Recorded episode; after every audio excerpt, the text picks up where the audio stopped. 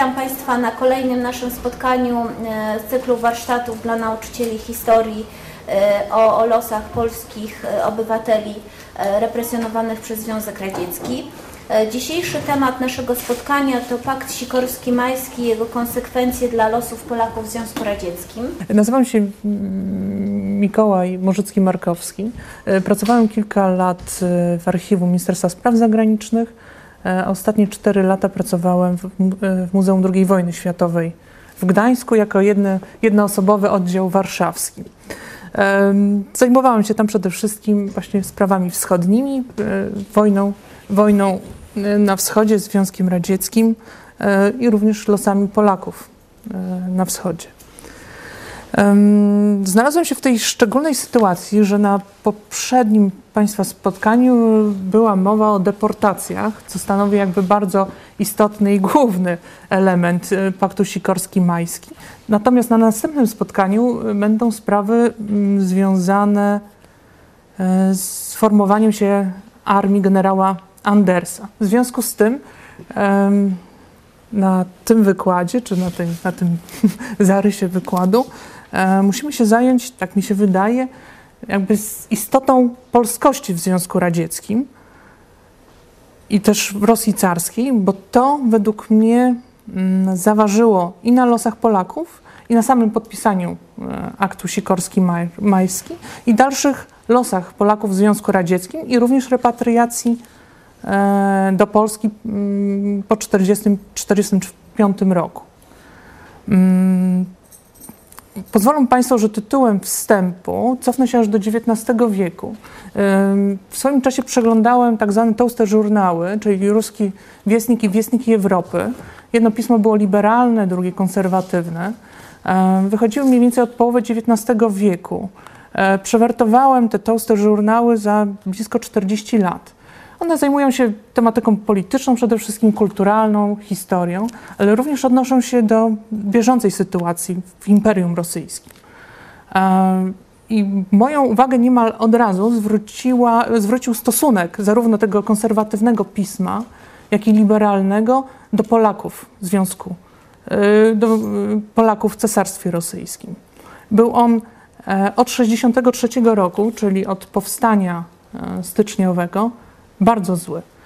Polaków szukano wszędzie. Jeżeli było ich bardzo dużo na kolei, to już uważano to za specjalne zagrożenie. Jeżeli było dużo inżynierów, to uważano, że jest to sprawa wyjątkowo zła. I wszędzie ich szukano, doszukiwano się. I atmosfera do Polaków i polskości była bardzo zła. Nie uważano ich za pełnoprawnych obywateli Imperium Rosyjskiego, ale za gorszych, tak? Może zawaham się i nie użyję tutaj do końca w pełnym słowa tego znaczeniu słowa liszeńcy, czyli ludzie pozbawieni praw, ale ludzie niegodni zaufania. I ten stosunek do Polaków nie dość, że trwał w latach dwudziestych XX wieku, czyli po powstaniu Związku Sowieckiego i po powstaniu państwa polskiego, ale jeszcze się nasilił po 1939 roku i masowych deportacjach Polaków do Związku Sowieckiego. Stosunek ich nie uważano po prostu za po przymusowej paszportyzacji, bo w 1939 roku przeprowadzono przymusową paszportyzację. Kto nie zgodził się zostać obywatelem sowieckim, czyli jakby zrezygnować z swojej polskości, tak, czy obywatelstwa polskiego, byłego państwa polskiego, stawał się człowiekiem w ogóle bez dokumentów. W związku z tym właśnie Polacy stali się taką grupą najgorszą w Związku Sowieckim. Ludzi zupełnie pozbawionych praw, niegodnych zaufania, których w żaden sposób nie chciano włączyć w te tryby sowieckiej ojczyzny, nowej, tak? sowieckiej, sowieckiej rzeczywistości.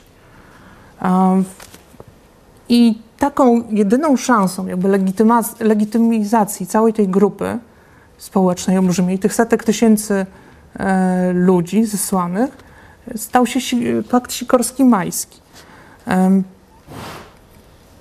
Mimo wielu kontrowersji, jakie on wzbudza wśród historyków obecnie, jaki mm, wzbudzał ówcześnie, przecież dochodziło aż do, do mm, tak demonstracyjnych odejść z rządu członków e, gabinetu Sikorskiego. E, Jednak uważa się, że ten pakt miał zasadnicze znaczenie dla uratowania setek tysięcy Polaków a, i w ogóle umożliwił jakąkolwiek repatriację e, Polaków do kraju po 1945 roku. I to, że nie powstała 17, czy właściwie w tym czasie 18 Republika Związku Sowieckiego, mówię 18, bo wtedy była jeszcze ta karelsko-fińska e, Republika Sowiecka, ta, e, zawdzięczamy temu paktowi, ponieważ Polacy w tym krótkim czasie, przecież to jest zaledwie rok, zostali odczytani przez społeczeństwo sowieckie, przez Rosjan, Ukraińców, przez władze sowieckie, jako ludzie, z którymi można e, współpracować. Stalin, zdejmując odium z Polaków, odszczepieńców, obcych, czyli to, co, co pokutowało od XIX wieku, powiedzmy od powstania styczniowego, to zmienił diametralnie wszystko. Nie uczynił oczywiście tego z, dobrej woli, tylko wynikało to z, jakby z jego kłopotów, tak militarnych i politycznych. E, Polacy e, stali się partnerem dla, dla Sowietów, e, z którymi można było rozmawiać i którym można było, co prawda, narzucić jakiś rząd komunistyczny, ale uznano, że mogą posiadać własne państwo. Nawet jeżeli miało być to jedna z, z, republik z, e, Związku Sowieckiego, co oczywiście przez, tylko przez pewien moment było e, groźne. To, że e, z, ludzie sowieccy widzieli te setki tysięcy Polaków, którzy, op, którzy opuszczają łagrę i gdzieś wędrują z tymi przepustkami, amnestionowani, setki tysięcy, proszę sobie wyobrazić, jadą pociągami na wszystkich szlakach, wszyscy na południe i ludzie to widzą, tak? A jednocześnie miliony e, sowieckich ludzi tak siedzą w łagrach ciągle i oni nie mają żadnej szansy, żeby to opuścić. Nagle się okazuje, że jedną grupę narodową, ale skazaną z przyczyn kryminalno-społecznych, bo tak to po prostu Polaków en masse uważano za kryminalistów, tak? Może to jest zbyt mocno powiedziane, ale tak to postrzegał kodeks karny e, sowiecki, że nagle można ich amnestionować, tak?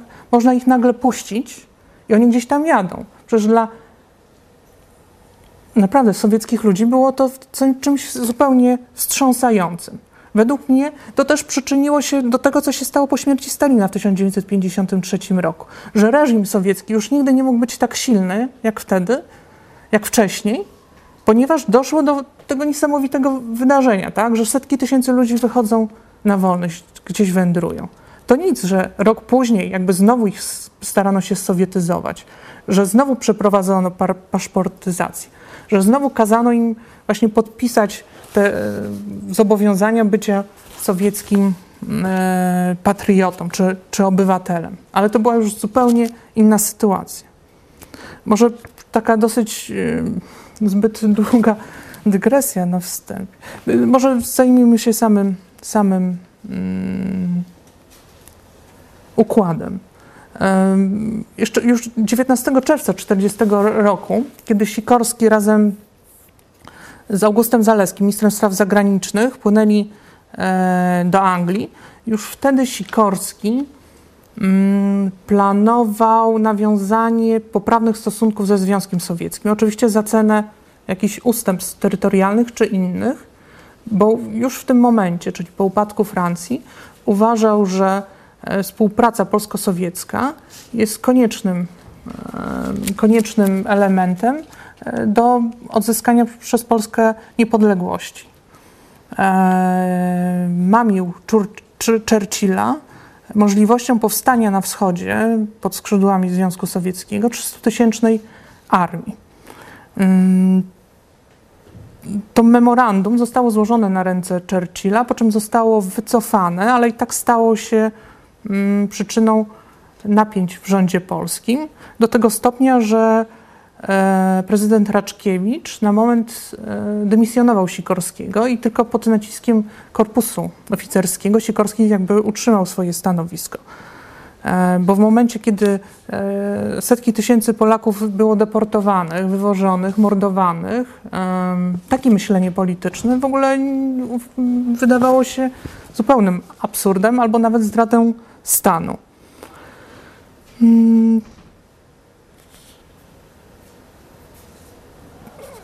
Jakby do, do tej koncepcji y, oczywiście w sposób naturalny wrócono po wybuchu y, wojny sowiecko-niemieckiej i działo się w to sposób no, błyskawiczny, zdumiewająco szybki, ponieważ już w lipcu 1930 lipca 1941 roku jakby wszystkie rozmowy były zakończone, podpisano układ, łącznie z dodatkowymi dwoma mm, tajnymi aneksami. I odtworzenie jakby tej galopady, galopady negocjacji politycznych nastręcza historykom wiele, wiele, wiele dylematów. Uważa się, nieżyjący już profesor Wieczorkiewicz uważał się, że uważał, że takie mm, Taki rozwój sytuacji wynikał z inicjatywy sowieckiej, która przez swoich podstawionych agentów w Londynie sprowokowała Sikorskiego e, do działań mających e, umożliwić podpisanie takiego paktu. Bezpośrednią przyczyną teoretycznie podpisania, przynajmniej Sowieci się na to mm, Sowieci się mm, twierdzili, że jakby dlatego wychodząc ze swoją inicjatywą, było przemówienie Sikorskiego w radio tuż po wybuchu wojny niemiecko-sowieckiej, w którym właściwie bezpośrednio e, podkreślał rolę nawiązania poprawnych stosunków e, polsko-sowieckich i wspólnej walki e, z trzecią Rzeszą. Mm. Rządowi londyńskiemu, Churchillowi, a również Amerykanom którzy obserwowali rozwój sytuacji, zależało bardzo na, na nawiązaniu dobrych relacji polsko-sowieckich, uważając słusznie, że tylko wspólny front pozwoli i rozwiązanie jakby sytuacji e, Europy Wschodniej pozwoli e, no, skuteczne, no, skuteczne prowadzenie e, polityki przez Wielką Brytanię. Mm, podpisanie e, układu e, według ówczesnych publicystów i dziennikarzy i polityków zwalniało, zwalniało Wielką Brytanię z umów sojuszniczych z Polską i rozwiązywało sprawę wschodniej granicy Polski. Od momentu podpisania tego układu, o którym zaraz, którego punkty zaraz przeczytam, E, to Polacy ze Związkiem Sowieckim prowadzili e, bezpośrednie rozmowy na temat wschodniej granicy, a Wielka Brytania przestała być gwarantem wschodniej granicy Polski, czy też niepodległości Polski. To już jakby było w gestii polskiego rządu. E, Sikorski uważał, że mm, podpisanie takiego układu jest y, jedynym rozwiązaniem. E, spodziewał się nieco innego rozwoju sytuacji w związku z, wojną polsko-sowiecką. Obawiał się upadu, upadku reżimu e, bolszewików czy władzy bolszewików i stworzenie na części przynajmniej e, terytorium Związku Radzieckiego tak zwanej Białej Rosji, z którą jakiekolwiek negocjacje terytorialne na temat, na temat zmian granic byłyby niemożliwe. Tak? Czyli myślał w ten sposób jak Piłsudski, który e, uważał, że jednak biali e, myślą w sposób bardziej e, imperialny i dążą do odzyskania wszystkich ziem, które wchodziły kiedykolwiek w skład Cesarstwa Rosyjskiego. Mm, kontrowersje związane z podpisaniem e, paktu były tak duże, że 25 lipca ustąpili z rządu generał Sąskowski, Zaleski, Sejda. I mimo, mimo tym, tej demonstracji 30 lipca układ został podpisany. Oczywiście podpisanie mm, aktu i wszystkie konsekwencje, jakie za tym e, poszły, między innymi jednocześnie zbudowanie polskiej armii, a potem wycofanie jej na wschód, wycofanie jej na Bliski Wschód i pogorszenie się dramatyczne sytuacji Polaków, które, która, m, którzy, którzy zostali w Związku Sowieckim, potem było Sikorskiemu bardzo mocno e, wytykane. I uważa się, że gdyby nie katastrofa, e, w której zginął, jego śmierć, ocena generała Sikorskiego byłaby zupełnie inna niż, niż obecnie. E, Że uznano by go za słabego polityka, który doprowadził do e, zbyt daleko idących ustępstw w stosunku do Związku Sowieckiego, albo po prostu kiepskiego negocjatora. Uważano, że sytuacja, w jakim znalazł się Związek Sowiecki e, w, czerwcu, lipcu, sierpniu 1941 roku umożliwiała daleko bardziej idące e, ustępstwa e, Rosji Sowieckiej, między innymi bezwarunkowe uznanie wschodniej granicy Rzeczpospolitej. Ewentualnie tak, bezwarunkowe uznanie e, wschodniej granicy Rzeczpospolitej sprzed 17 września 1939 roku. Negocjacje mm, polsko-sowieckie poprzedzające podpisanie samego układu e, rozpoczęły się od wysunięcia przez stronę polską czterech punktów, wokół których miał być ten akt e, sadowiony. I tak, e, przede wszystkim domagano się unieważnienia wszystkich umów radziecko-niemieckich zawartych w 1939 roku, przywrócenia ważności umów polsko-radzieckich obowiązujących przed 1 września 1939 roku, w tym traktatu ryskiego, zwrot całego zagarniętego mienia polskiego, zwolnienie wszystkich jeńców deportowanych, y, z których miała powstać armia polska. Ostatecznie ym, układ pomiędzy rządem polskim a sowieckim e, z 30 lipca 1941 roku brzmiał tak. Rząd Związku Socjalistycznych Republik Rad uznaje, że traktaty sowiecko-niemieckie z 1939 roku dotyczące zmian terytorialnych w Polsce straciły swoją moc. Rząd Rzeczpospolitej Polskiej oświadcza, że Polska nie jest związana z jakimkolwiek trzecim państwem żadnym układem zwróconym przeciwko Związkowi Socjalistycznych Republik Rad. Stosunki dyplomatyczne między obu rządami będą przywrócone do podpisaniu niniejszego układu i nastąpi niezwłocznie wymiana ambasadorów. Oba rządy zobowiązują się wzajemnie do udzielenia sobie wszelkiego rodzaju pomocy i poparcia w obecnej wojnie przeciwko hitlerowskim Niemcom. Rząd Związku Socjalistycznych Republik Rad oświadcza swoją zgodę na tworzenie na terytorium Związku Socjalistycznych Republik Rad Armii Polskiej, której dowódca będzie mianowany przez rząd Rzeczpospolitej Polskiej w porozumieniu z rządem Związku Socjalistycznych Republik Rad. Armia Polska na terytorium Związku Socjalistycznych Republik Rad będzie podlegać we wszystkich sprawach operacyjnych naczelnemu dowództwu Związku Socjalistycznych Republik Rad, skład którego będzie się znajdować przedstawiciel Armii Polskiej. Wszystkie szczegóły dotyczące organizacji dowództwa i użycia armii będą ustalone dalszym układem. I były dwa dodatkowe protokoły, tajne, które miały chyba najbardziej istotny wpływ na sytuację ludności polskiej znajdującej się na terytorium Związku, Związku Radzieckiego.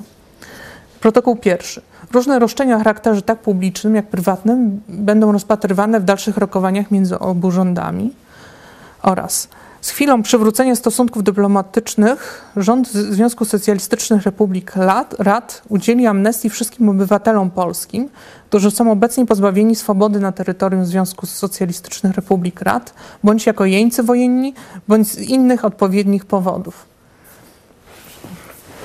To jest bardzo charakterystyczne, że ten protokół i ten fragment znalazł się jakby w części tajnej, czyli nieupublicznionej, bo Związek Sowiecki jakby wprost przyznaje, wprost, poniekąd przyznaje, że na terytorium Związku Sowieckiego z różnych powodów tak, są więzieni polscy, polscy, polscy obywatele. Em, ale oczywiście pewne kwestie nie są tutaj dopowiedziane, co również potem zarzucano Sikorskiemu, że nie zostały postawione w sposób bardziej klarowny i jasny. Rząd polski po przywróceniu stosunków dyplomatycznych niemal natychmiast przystąpił do organizowania sieci, nazwijmy go, nazwijmy konsularnej, ale raczej y, było to 20 delegatur, które podlegały ambasadzie w Kujbyszewie. Dlaczego w Kujbyszewie? E, Miało to związek z, e, no, z mm, sytuacją na froncie, kiedy to Moskwa była zagrożona i większość, większość czy wszystkie ambasady e, państw e, e, utrzymujących stosunki ze Związkiem Sowieckim zostały przeniesione właśnie do, do Kujbyszewa. I powstało mm, 20 delegatur ambasady w Akmolińsku, w Audanie, w Almaacie, Archanielsku, Aszchabadzie, Baranule, Czelabińsku, Czkałowie, Czykmencie, Dżambule, Kirowie, Kustanaju, Krasnojarsku, Pawłodarze, Pietropawłowsku, Samarkandzie, Saratowie, Semipałatyńsku, Sykstywarze i Władywostoku. Proszę zwrócić uwagę, że no, oprócz kilku, nie są to jakieś szczególnie wielkie, wielkie y, miasta, znajdujące się ani w centralnej części e, Socjalistycznej Republiki Rosyjskiej, e, czy przy jakichś naprawdę ważnych przemysłowych obiektach, a rozsiane są po całym Związku Sowieckim, zwykle tam, gdzie w okolicach znajdowały się jakieś łagry albo gułagi. E, czyli podjęcie takiej decyzji miało charakter jak najbardziej racjonalny.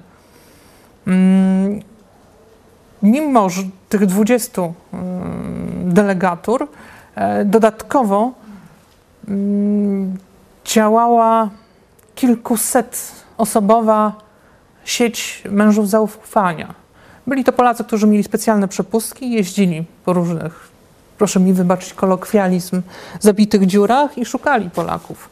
Em, docierali, przekonywali miejscowych urzędników sowieckich, pokazywali em, ten układ polsko-sowiecki, czy jakieś rozporządzenia, e, które były związane z tym układem, e, na podstawie których wymuszali zwalnianie Polaków, czy ułatwiali e, podróż, podróż na południe, które stało się takim, taką mekką, tak? takim działalność ambasady polskiej w Kujbyszewie, e, oprócz e, wyszukiwania i ułatwiania Polakom mm, mm, podróży do armii Andersa, czyli tych punktów zbornych, albo w ogóle e, paszportyzacji, tym razem przyznawaniu polskich paszportów tym wszystkim, mm, którzy, ich nie mieli, którzy zostali pozbawieni, zajmowali się również e, prowadzaniem ewidencji e, osób e, osadzonych i materiały z tej działalności, obejmujące kilka tysięcy nazwisk, znajdują się innymi w archiwum Ministerstwa Spraw Zagranicznego. Są to ręczne wpisy, imię i nazwisko, i gdzie jaka osoba została osadzona i za co została skazana i czy są szanse na, na wyciągnięcie takiego Polaka czy Polki z takiego łagru, czy też nie. No, gigantyczna, gigantyczna praca, którą e, przedsięwzięto, a było na to bardzo mało czasu, e, bo w związku z wyprowadzeniem mm, armii Andersa z, ze Związku Sowieckiego natychmiast mm, podjęto decyzję o likwidacji delegatur, a to było prawie 200 osób e, personelu, plus właśnie ta kilkuset osobowa sieć mężów zaufania, którzy natychmiast zostali aresztowani. Mm, Ambasada w Kujbyszewie działała jeszcze do 25 kwietnia 1943 roku, kiedy też została zamknięta. Mm, W ogóle współpraca z stroną sowiecką od samego początku nastręczała bardzo dużo e, kłopotów. E, Postanowienia tego układu były realizowane niechętnie, niezgodnie z, ani z literą, ani z duchem em, traktatu, nazwijmy to tak. Im sytuacja na froncie zachodnim, czyli tym sowiecko-niemieckim, była lepsza dla strony sowieckiej, tym wszelkie e, tym ułatwienia dla Polaków, czy możliwości mm, uwolnienia z łagru były coraz, coraz gorsze. E, I władze terenowe sowieckie e, miały niepisane dyrektywy, przynajmniej do takich dot- dotychczas nie dotarliśmy, ale ustnie przekazywane, utrudnienia w każdy sposób e, Polakom zarówno poinformowania o, o takiej możliwości e, wydostania się mm, z gułagu czy z miejsca spec e, osiedlenia, specjalnego osiedlenia, e, jak i mm,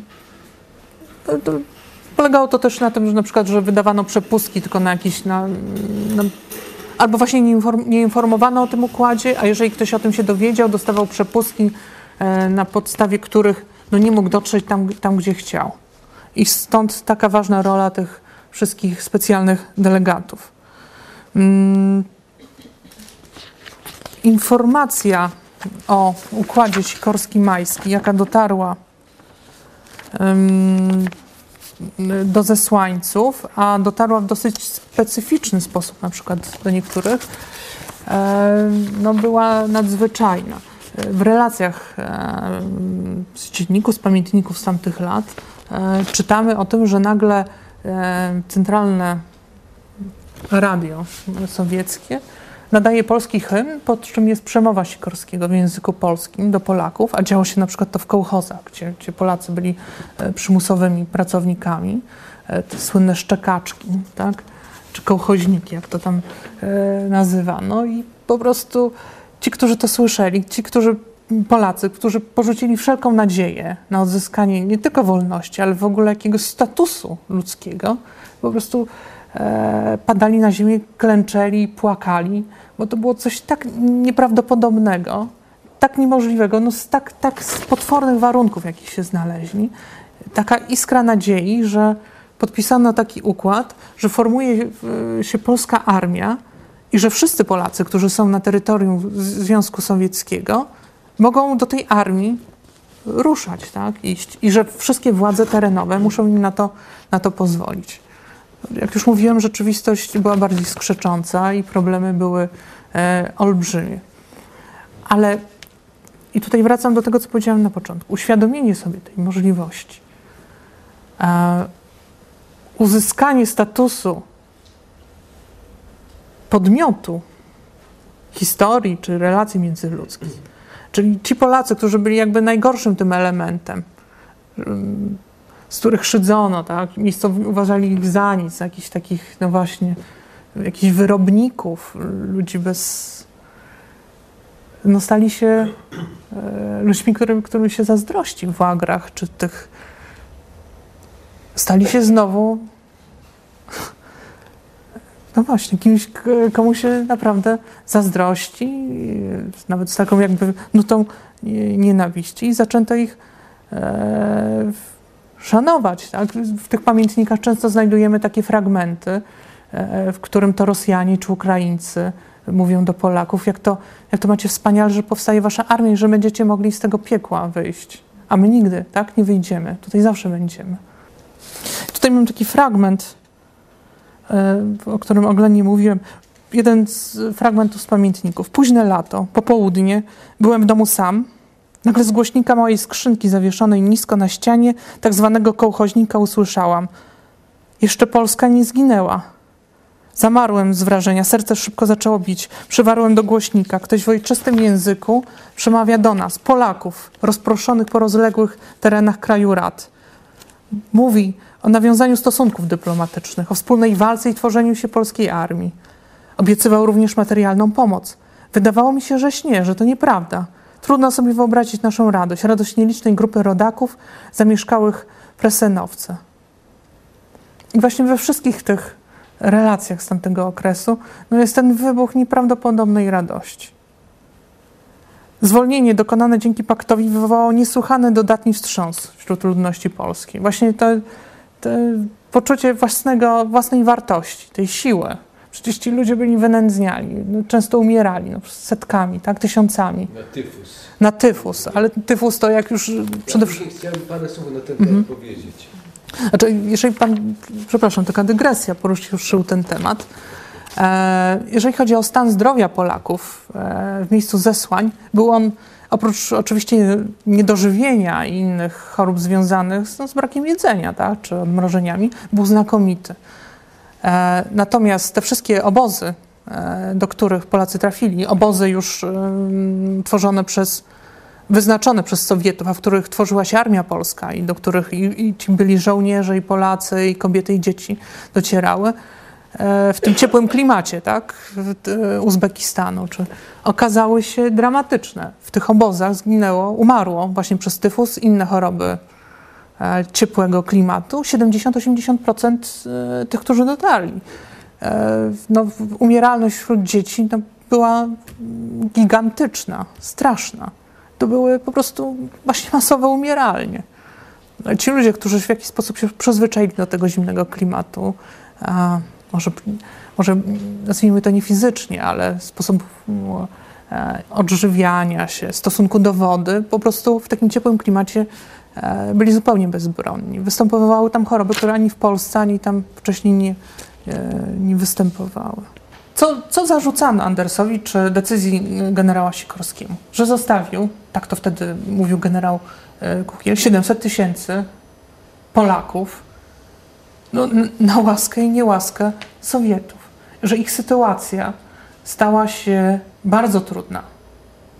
Właśnie, że stworzono z nich znowu, kazano im znowu stać się obywa- obywatelami sowieckimi, znowu pozbawiono ich praw. No ale właśnie o tym, co mówiłem, ten duch, który mm, ten układ wzbudził jeszcze rok wcześniej, pozwolił im przetrwać. Szczególnie, że bardzo szybko e, zaczął działać wśród nich Związek Patriotów Polskich. I tutaj znowu e, dochodzimy do.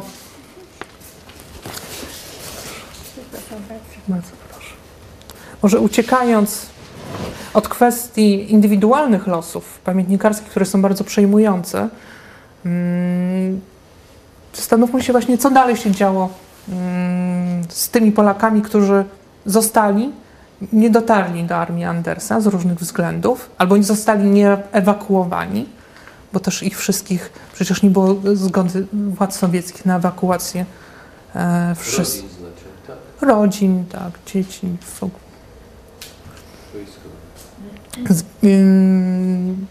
Dosyć szybko. On zaczął wśród y, nich działać Związek Patriotów Polskich, do którego po chwilach głębokiego wahania czy przeklinania w, w brodę zapisali się praktycznie wszyscy, do których oni dotarli, bo to stała się kolejną, kolejną szansą e, upodmiotowienia się w ramach tej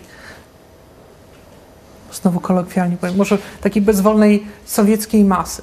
Ja przepraszam, że trochę w ten sposób mm, deprecjonuję, czy istniał naród sowiecki, ale powiedzmy narody inne Związku Sowieckiego, E, ale tak to wyglądało. Wydobycie się z tej brei narodów, języków, czegoś nieokreślonego, e, no było istotne, ważne dla przetrwania, tak? Nie tylko fizycznego, ale też kulturowego. I Związek Patriotów Polskich e, znalazł się w tej znakomitej sytuacji, mm, po pierwsze będąc monopolistą e, na, na tym rynku, po drugie proponując jaką, jakąkolwiek pomoc humanitarną, e, która była też często decydująca dla tych ludzi. I właśnie dawał, dawał szansę e, powrotu do Polski. Byłabym bardzo wdzięczna, jakby zechciał Pan jeszcze omówić to, co, e, czego jakby tak szybciutko się prześlizgnęliśmy, to znaczy jak faktycznie ta pomoc polskiej ambasady w stosunku do osób, e, do cywili, tych właśnie zmierzających na południe wyglądała. Co, on, co mogła ambasada i jej dele- delegatury zapewnić e, Polakom, no i jak wyglądała w ogóle ich cała podróż, tak? To znaczy, czy ona była zorganizowana, czy musieli sami o siebie dbać, szukać e, żywności i tak dalej. Myślę, że to dla takiego całego tła tej sytuacji będzie dla, dla Państwa istotne. Ze względu na. No to było, jednak to było setki tysięcy Polaków, tak? a przedstawicieli i tych deleg- delegatur e, i tych, którzy się zajmowali mm, ochroną tych szlaków, e, przez które przejeżdżali Polacy, no była e, bardzo ograniczona i trudna. Więc Polacy musieli, ci, którzy mm, się dowiedzieli, wędrowali na południe mm, do punktów tych zbornych, musieli radzić sobie sami. Sami musieli zdobywać pożywienie w różny sposób, dlatego e, docierali do tych punktów e, naprawdę wycieńczeni w, okropnych, e, w okropnym stanie. Niektórzy dostawali, co prawda, jakieś diety i mogli się mm, po drodze w jakiś sposób, w jakichś punktach e, sowieckich e, pożywiać, czy po prostu mieć szansę zakupu, zakupu pożywienia, ale to były bardzo rzadkie, rzadkie przypadki. E, Działał Polski Czerwony Krzyż, y, którego e, no, działalność była dosyć ograniczona albo bardzo, ale bardzo mimo wszystko istotna.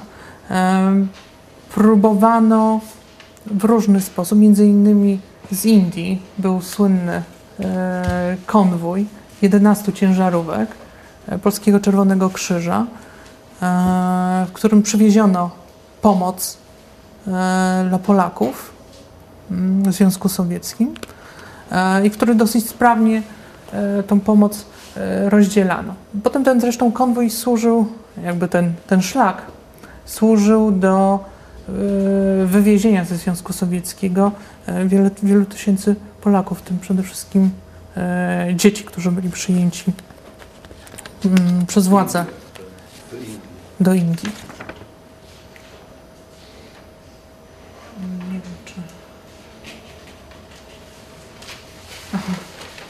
Znaczy ta droga właśnie, to znaczy Mhm, tak. ja, chciałam podkreślić, jak mogę, y, y, to, to właśnie y, to co ważne, to często właśnie z tych posiołków, bo nie tylko z gułagów, tak? Musimy pamiętać, to przy deportacjach było dobrze, myślę, dla Państwa rozdzielone, że, że y, no, mamy te osoby cywilne, y, rodziny, które były bez żadnego wyroku wywożone, deportowane, były w posiołkach i tych, którzy byli za wyrokiem aresztowania, a później skazani wyrokiem sądu wojennego i byli w łagrach. E, Dla obu tych grup e, zwolnienia wcale nie przebiegały łatwo. Często wręcz e, administratorzy e, kołchozów e, czy gułagów wręcz utrudniali właśnie te zwolnienia. Myślę, że właśnie tak jak e, wspominał nam pan e, e, dr Kalbarczyk przy zbrodni katyńskiej, było to no, z partykularnych interesów tych komendantów, prawda, kołchozów, którzy musieli wyrobić normę i zwalniając Polski, Polaków tracili dobrą, e, dobrą siłę roboczą. I dlatego też, e, co ważne, e, tych, z tych posiołków ludzie często zbierali pieniądze, prawda, żeby wynająć pociąg, jakiś wagon, e, który był dołączany do pociągów jadących na południe, żeby tylko jakoś się tam przedostać. Po drodze często również zatrzymywali się w kołchozach, szczególnie w Kazachstanie, żeby tam dorobić, na przykład przy zbieraniu bawełny i, i móc jechać dalej lub móc w ogóle przeżyć, prawda? Stąd te tragiczne momenty, gdy dojeżdżali, a okazywało się, że już rekrutacja do Armii Polskiej jest skończona, prawda? Bo bardzo szybko Rosjanie tą, e, ten pobór em, e, dla Polaków zamknęli jakby taką możliwość. No i te tragedie, prawda? No dotarliśmy niby na miejsce, ale już do tej armii dostać się nie możemy. Także myślę, że to bardzo ważne, że nie była to jakby zorganizowana akcja, tak jak w przypadku deportacji, że podstawione pociągi, prawda, ludzie ładowani e, i wiezieni, tylko oni zmienili zupełnie swój status, to znaczy musieli nagle sami o siebie dbać. Sami się wyżywić, sami się przedostać na południe, a musimy wiedzieć, że no w przypadku e, wielu z tych miejsc, no, gdzie Archangielsk czy, czy Władywostok, a gdzie Uzbekistan, prawda? To są tysiące kilometrów.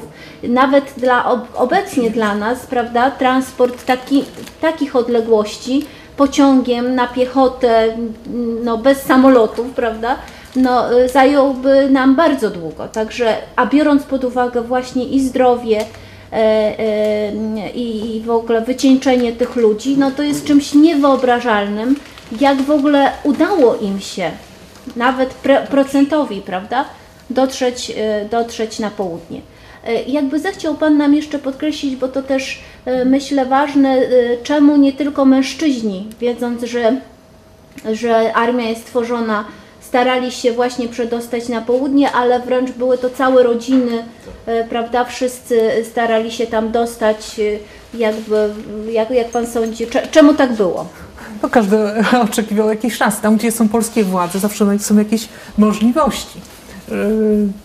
Każdemu się wydawało, że no, po pierwsze, że polskie władze mogą wszystko. Że, już są, że mm, e, polska władza w Związku Sowieckim już znajduje się w takiej dobrej sytuacji, że na pewno coś wymyśli. Zresztą jak już wszyscy będą razem w jakimś miejscu, to po pierwsze ta władza o nich zadba, a po drugie coś wymyśli. No przecież nie zostawią tych, którzy tam dotarli na, na, na pewną śmierć.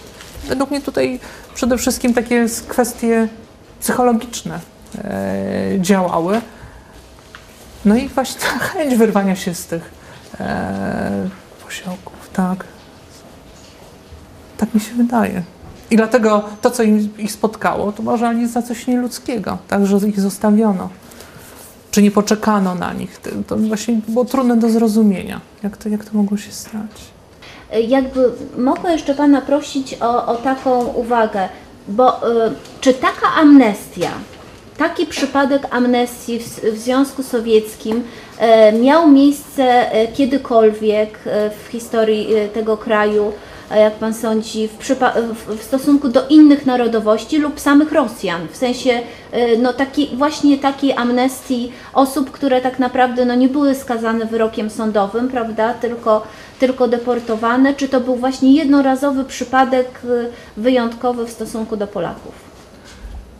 To był jedyny znany wypadek w całej historii księstwa moskiewskiego, państwa rosyjskiego, imperium rosyjskiego. Imperium rosyjskie to oficjalna nazwa cesarstwa rosyjskiego i Rosji sowieckiej. No było to czymś wyjątkowym. A a przypom przypomnę, że że jakby prześladowania Polaków e, zaczęły się od wczesnych lat 30. A czyszczenie tego tak zwanego pasa nadgranicznego, gdzie e, mieszkających nad Berezyną Polaków, Bobrójsk, e, po prostu w ciągu kilku tygodni to ich było blisko tam 100 tysięcy. No przesadzam. Po prostu wszystkich usunięto, już nie mówiąc o tych regionach narodowościowych które w ramach korenizacji jeszcze za lat 20. i- istniały. Cierszyńszczyzna, Marchlewszczyzna. I właśnie ta łatka Polaka, tak? czyli osoby e, wredność, tak? jakby to przetłumaczyć. E, oni, szkodliwej, tak? szkodnika, mm, z którym, z którym oni zawsze żyli, jako ludzie niego niezaufani i nagle ich się wypuszcza i to jest coś nadzwyczajnego. I dlatego jeszcze raz podkreślę, to było tylko możliwe w ciągu, być może we wrześniu już to było, nie, inaczej powiem, w grudniu e, tego roku po odrzuceniu niemieckich wojsk Tak. e, spod Moskwy na 100 kilometrów, to już byłoby zupełnie niemożliwe. A te pięć miesięcy wolności, zmiany statusu e, Polaków w Związku Sowieckim, no są nie do przecenienia. To, to, był cud. Cud. Przecież te setki tysięcy Polaków, ten ponad milion, oni byli skazani na zatracenie. To byli ludzie pozbawieni praw, to, był, to byli niewolnicy, którzy mieli pracować do końca swojego życia i umrzeć. Powoli musimy niestety kończyć. Ja bym tylko mogła, jeżeli mogę prosić, bo mamy e, tytuł Pakt Sikorski-Majski. E, Może Aha, nie wszyscy wiedzą, kim był Majski. To właśnie Iwan Majski, Jan La, Lacho, Lachowiecki, był Polakiem e, i to prawdziwym Polakiem, e, synem doktora. E, I właśnie jakoś przetrwał wszystkie czystki, bo Polaków do lat 30. we władzach centralnych i średniego szczebla w Związku Sowieckim było bardzo wielu. E, i byli na bardzo odpowiedzialnych stanowiskach. Potem w lat 30. w ramach e, afery Polskiej Organizacji Wojskowej, czyli takim wymyślonego spisku Stalina, większość z nich została rozstrzelana, a Iwan Majski e, przetrwał i został dopiero aresztowany w 1953 roku przez Berię i przesiedział w więzieniu 3 lata. Umarł chyba w wieku blisko 100 lat. Tak. Ale to jest też interesujące, bo już zupełnie tak, bo podpisując traktat ryski, e, z jednej strony i z drugiej, czyli z sowieckiej i z polskiej, podpisywali go Polacy, tak? E, Ja chciałam jeszcze podkreślić, że bardzo ciekawym tematem jest e, ten temat mężów zaufania. Dlatego, że tak jak w przypadku pracowników delegatur czy ambasady, no to byli po prostu pracownicy przedwojennej dyplomacji. Natomiast mężowie zaufania bardzo często byli to mm, zesłańcy, którzy pośród właśnie zesłańców zdecydowali się na to, aby służyć e, swoim e, współobywatelom e, i byli wtedy odpowiedzialni za pewien rejon, ileś posiołków i przemierzali czasami bardzo duże odległości, żeby dotrzeć z pomocą humanitarną do nawet niewielkich posiołków gdzieś tam głęboko w Tajdze, żeby przynieść lekarstwa, żeby spisać kto tam mieszka. E, Także e, no przyznam, że moja fundacja e, Kresy Syberia chce razem z archiwum MSZ-u jakoś tą grupę również upamiętnić szczególnie, może jakąś wystawą w najbliższym czasie, bo warto o nich pamiętać, dlatego że tak jak Pan wspomniał, oni później w 1943 roku no, tak naprawdę zapłacili najwyższą cenę, bo albo wylądowali w łagrach, albo wręcz byli rozstrzelani przez władze sowieckie, traktowani po prostu jako szpiedzy obcego, e, obcego kraju.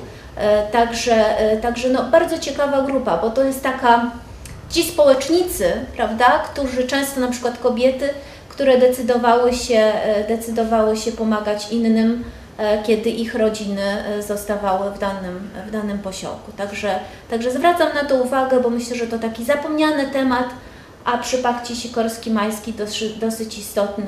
Niby tylko półtora roku ich służby, no ale myślę, że cena była ogromna i, i ogrom pracy również przez nich e, wykonany e, zasługuje na pamięć. Także dziękujemy bardzo.